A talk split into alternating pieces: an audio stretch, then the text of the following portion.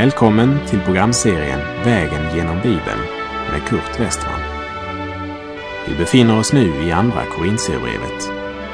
Slå gärna upp din bibel och följ med. Programmet är producerat av Norea Radio Sverige. Vi avslutade förra programmet med att eh, Paulus sa att om han måste berömma sig så ville han berömma sig av sin svaghet. Svaghet klingar ju inte särskilt högt i den här världen. Men Paulus var ju en av Jesu efterföljare. Och Jesu rike är ju inte av denna värld. Därför vill jag inför vandringen genom Andra Korinthierbrevets tolfte kapitel påminna om orden från Jesaja 57, 15 där Gud säger Jag bor i helighet uppe i höjden men också hos den som är förkrossad och har en ödmjuk ande. Ty jag vill ge liv åt det ödmjukas ande och liv åt det förkrossades hjärtan.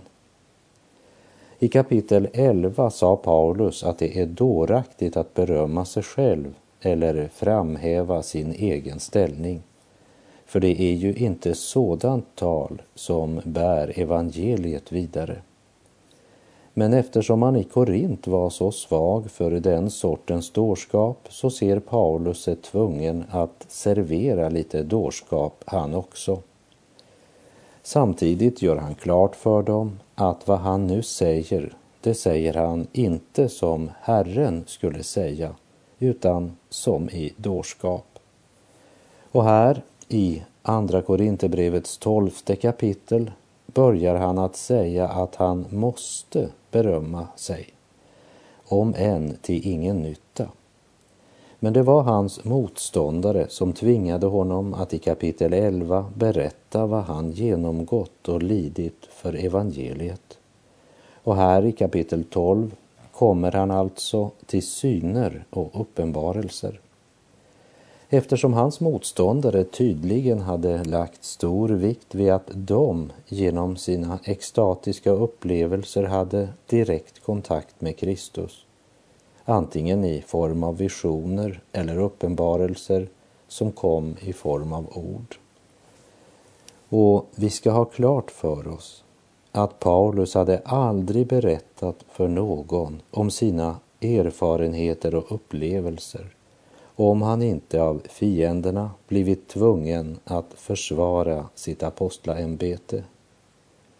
Och så svaga som man i Korint var för det extraordinära och det sensationella så ser Paulus sig tvungen att låta både de storordiga självutnämnda apostlarna och även församlingen få veta att han var långt ifrån utan upplevelser och syner han heller. Fast hans liv och förkunnelse alltid fokuserade på honom som dog och uppstått. Vi läser andra Korinthierbrevet 12, vers 1. Jag måste berömma mig, om än till ingen nytta och jag kommer då till syner och uppenbarelser från Herren. I förra programmet såg vi hur han i kapitel 11 räknade upp en otroligt lång lista när det gällde allt han genomgått av hugg och slag, svält och lidande i sin tjänst som apostel. Och det var ju inte precis någon ära i det. Och vi läser om dessa ting och när vi gör det så får man en känsla av att vi kanske borde tänka lite mer på vad vi sjunger. Tänk bara på sången Jag ger dig allt, jag ger dig allt och går den väg som du befallt. Samtidigt så hör vi inte så ofta idag om vanliga omvändelser. Nej, nu är det det speciella, otroliga och dramatiska omvändelser. Men det är viktigt att alltid lägga märke till vilken plats Jesus och hans försoningsstöd har i vittnesbördet. När vi tänker på den upplevelsen Paulus hade på Damaskusvägen så är det intressant att se hur lite han pratar om det och om andra stora upplevelser. Och när han nu gör det så är det därför att han ser det absolut nödvändigt för att avslöja sina motståndare, de falska apostlarna. Vi läser i Andra Korinthierbrevet 12, vers 2. Jag vet om en man i Kristus som för 14 år sedan blev uppryckt ända till tredje himlen. Om han var i kroppen eller utanför kroppen vet jag inte. Gud vet det. I likhet med andra Jesu lärjungar så hade också Paulus naturligtvis andliga erfarenheter.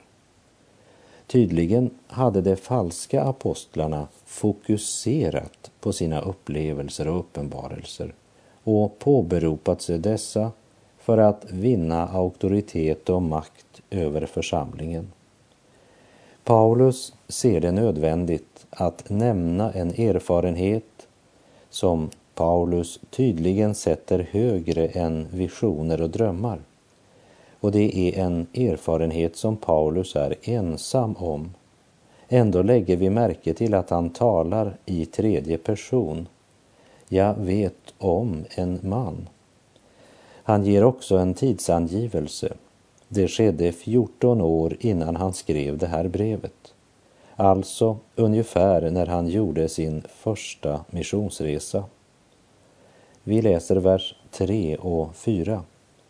Jag vet att den mannen, om han var i kroppen eller utanför kroppen vet jag inte.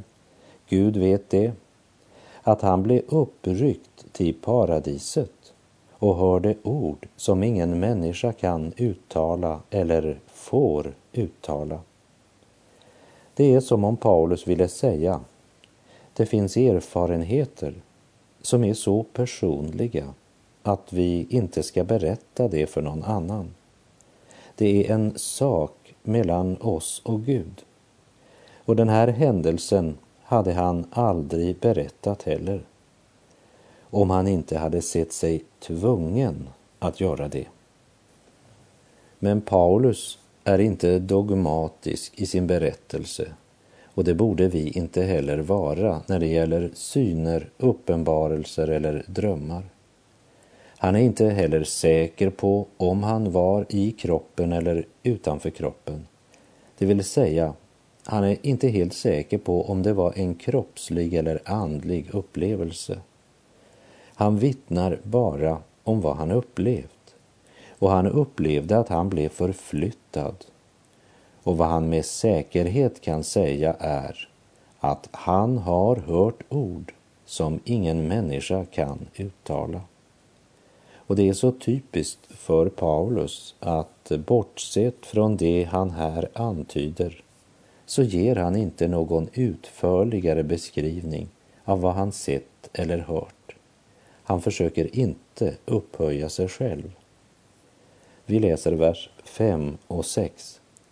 Av den mannen vill jag berömma mig, men av mig själv vill jag inte berömma mig utom av min svaghet. Om jag ville berömma mig skulle jag ändå inte vara en dåre. Jag skulle ju bara säga sanningen, men jag avstår för att ingen ska tänka högre om mig än man gör när man ser och hör mig.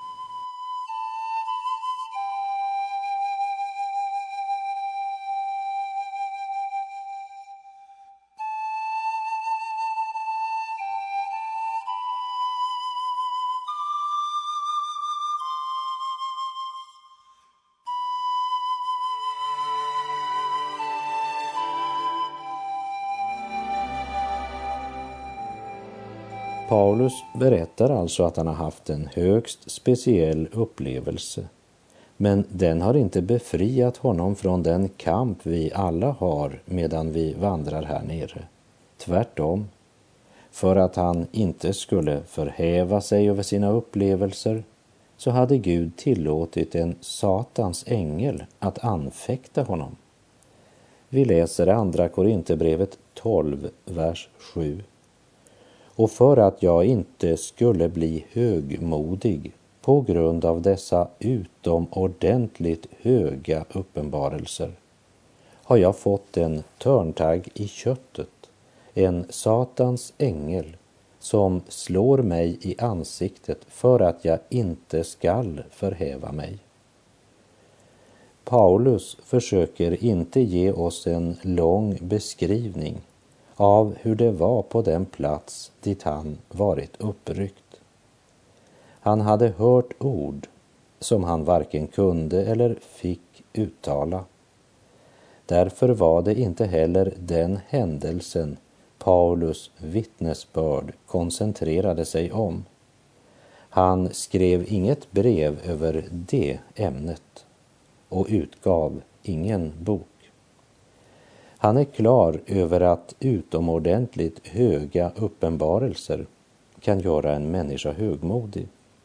Och han vet också att högmodiga vittnen har inte Gud någon verklig nytta av. Och det är tydligt att Paulus också förstått att det var därför Gud tillät Satans ängel att slå honom. I verserna 2 till och med 6 berättade Paulus för oss om en mycket speciell upplevelse han haft. Men när vi kommer till vers 7 så är det som om han skulle säga Jag vill berätta om min skröplighet, men jag vill inte tala om den tredje himlen. Varför inte? Därför att han hade fått besked att inte tala om det. Jag tror att Satan många gånger försöker få Guds vittnen att spåra av från det centrala tema som var deras egentliga kallelse. Och lyckas han inte med det så försöker han få Guds vittnen bort från den jordiska scenen. Satan vill bli kvitt sanningens enkla vittnen och han använder sjukdom, svårigheter och lidanden, en törntagg i köttet för att få dem att mista modet. Vad var Paulus törntagg? Ja, här vill jag låta dig få del i en hemlighet. En hemlig information som jag hoppas stannar mellan dig och mig. Och det är att jag vet inte. Jag vet inte vad som var Paulus törntagg i köttet. Jag vet att det finns många olika förslag ifrån många duktiga och kloka bibelkommentatorer. Men själv kan jag bara säga, jag vet inte, eftersom Paulus inte berättar det. En gammal skotsk bibelkommentar säger att Paulus törntagg i köttet var hans hustru. Och jag kan ju tänka mig att den gamla skotten hade problem där hemma. Men jag tror att han hade fel när det gällde Paulus. Andra har givit andra förslag. Någon menar att det var en ögonsjukdom som var törntaggen. Men eh, det blir mer än långsökt om man tänker på vad vi läste i Apostlagärningarna 9. Där Gud sa till en lärjunge i Damaskus som hette Ananias att han skulle gå till raka gatan och fråga efter Saulus eftersom han bad. Och så står det om Paulus i Apostlagärningarna 9.12. Och i en syn hade han sett en man som heter Ananias komma in och lägga händerna på honom för att han skall se igen. Och efter att Gud helat Paulus syn så tror jag inte att törntaggen var en ögonsjukdom. Och jag tror att vi också ska komma ihåg att Paulus inte någonstans nämner sjukdom när han talar om sina lidanden. Och eftersom Paulus inte säger något mer angående törntaggen i köttet så vill också jag tiga på den punkten. Låt oss verkligen komma ihåg i vilket sammanhang Andra Korinthierbrevets elfte och tolfte kapitel står. Orsaken till att Paulus talar om alla sina lidanden och svårigheter och även sina utomordentligt höga uppenbarelser är att efter att Paulus reste från Korint så hade det trängt fram ett nytt ledarskap och det var ett mycket karismatiskt ledarskap.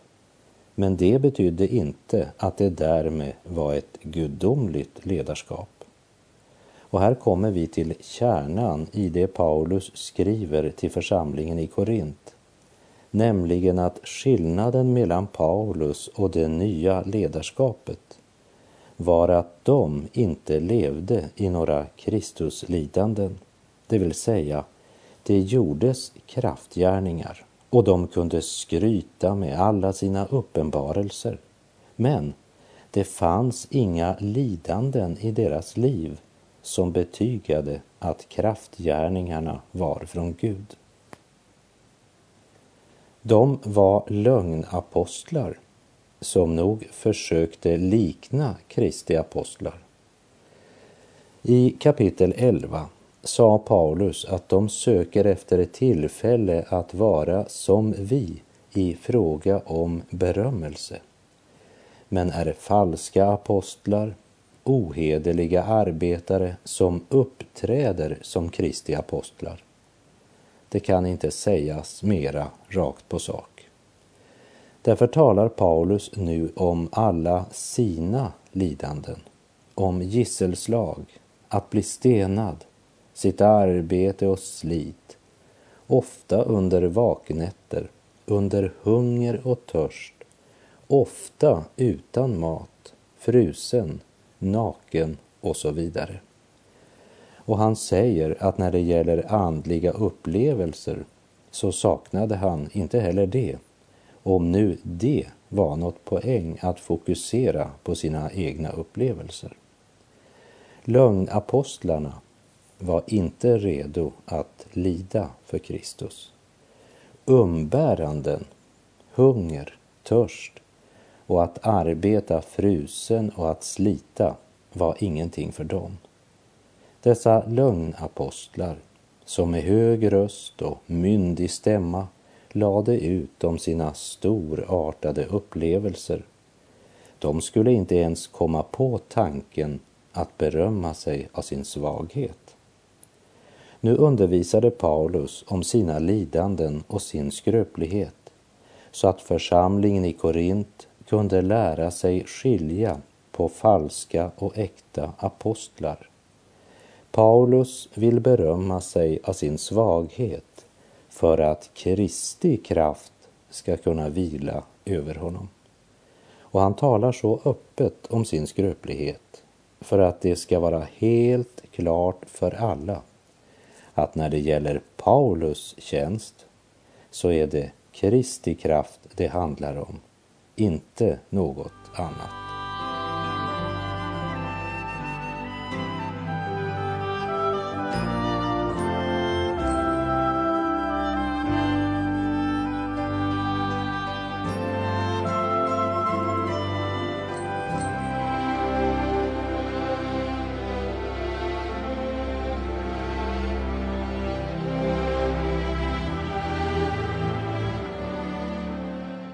Någon har sagt att eh, orsaken till att hunden har så många vänner är att den viftar mera med svansen än med tungan. Jag är rädd att de flesta av oss skulle ha viftat nog så mycket med vår tunga om vi hade varit uppryckta till den tredje himmel. Men det gör inte Paulus. Men när Paulus inte säger mer om törntaggen varför då nämna den alls? Jag tror att Gud genom Paulus önskar säga oss att på grund av vår skröpliga natur måste det vara en balans.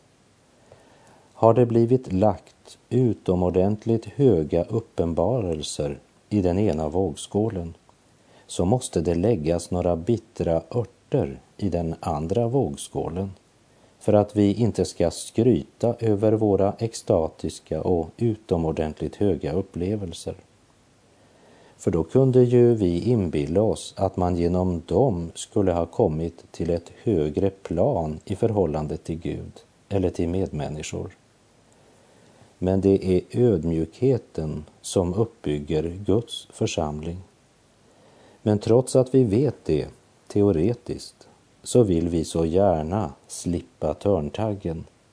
Så var det också för Paulus, fast han djupast sett visste varför han hade fått den. Vi läser i Andra Korinthierbrevet kapitel 12, vers 8 och 9. Tre gånger bad jag att Herren skulle ta den ifrån mig, men han svarade mig, min nåd är nog för dig, ty kraften fullkomnas i svaghet. Därför vill jag hellre berömma mig av min svaghet, för att Kristi kraft ska vila över mig. Tre gånger hade Paulus bett det betyder inte bara att han tre gånger nämnt det här i sina böner, för det hade han nog ofta gjort. Men det pekar nog hellre på tre speciella bönekamper. Han hade alltså vid ett tillfälle trängt in i bön, verklig bön för den här saken. Men han fick inte det svar han hade önskat. Min nåd är dig nog, hade Gud sagt. Men ändå går Paulus in i ännu en bönekamp eftersom han inte kunde godta det svaret. Också då får han nej från Gud. Därefter repeterar Gud svaret han gav redan första gången. Min nåd är dig nog. Men inte heller andra gången godtar Paulus svaret. Ja, syndafallet har trängt djupt i oss alla. Vem av oss har väl inte bett till Gud om något som han redan svarat nej på? Och om han inte ger oss det svar vi önskar säger vi kanske att Gud inte svarade på vår bön, fast det i verkligheten är så att han svarade nej. Och ibland händer det ju att vi upptäcker att hans nej var det allra bästa svar han kunnat ge oss. Befria mig från törntaggen i köttet, bad Paulus. Men Gud sa att han skulle inte ta bort törntaggen, men ge Paulus nåd att bära den. Och det är det mest underbara med detta. För lägg nu verkligen märke till vad Gud säger.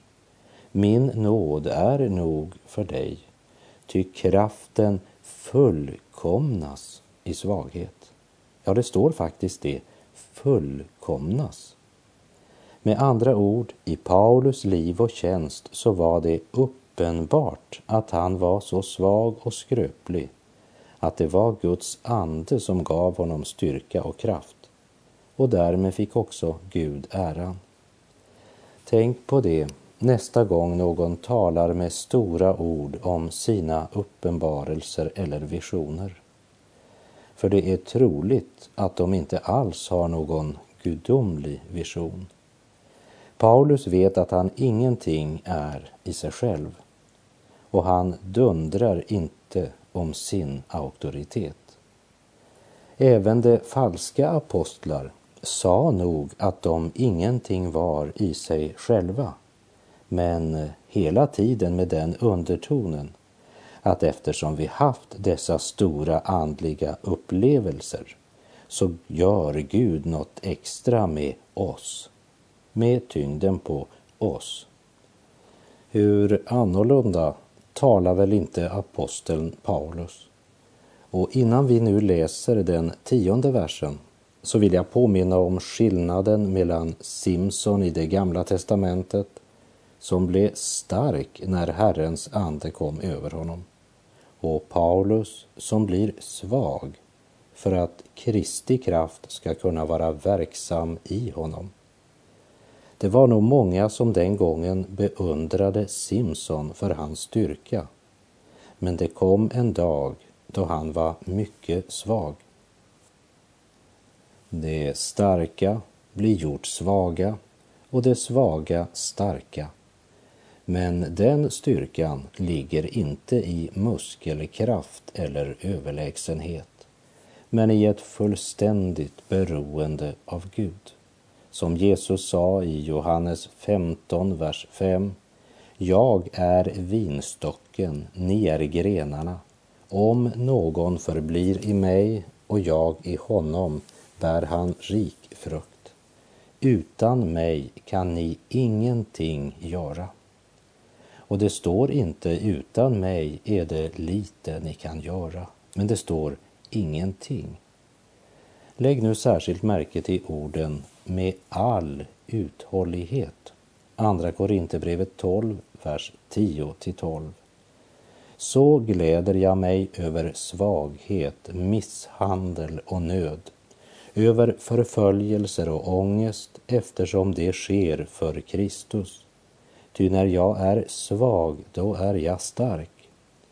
Jag har blivit en dåre, ni har tvingat mig till det. Ni borde egentligen ha talat väl om mig. Jag är inte på något sätt underlägsen dessa väldiga apostlar, även om jag ingenting är. Vad som kännetecknar en apostel har blivit utfört hos er med all uthållighet genom tecken, under och kraftgärningar. Poänget för Paulus var inte att beskriva hur det var i himlen dit han varit uppryckt utan att förkunna frälsaren Kristus så att människor kunde komma till Guds himmel.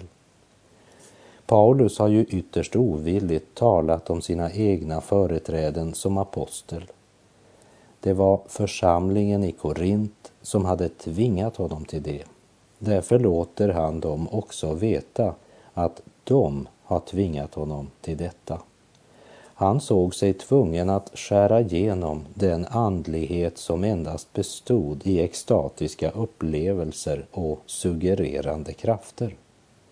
Därför uppmanar han dem att erkänna sin egen hjälplöshet och tigga om Andens hjälp. Det är vägen för Jesu lärjungar. Och med det så är vår tid ute för den här gången. Jag säger på återhörande om du vill. Läs kapitel 11 och 12 igen. Och kom ihåg orden från Jesaja 57.15 som sa oss att Gud har två adresser.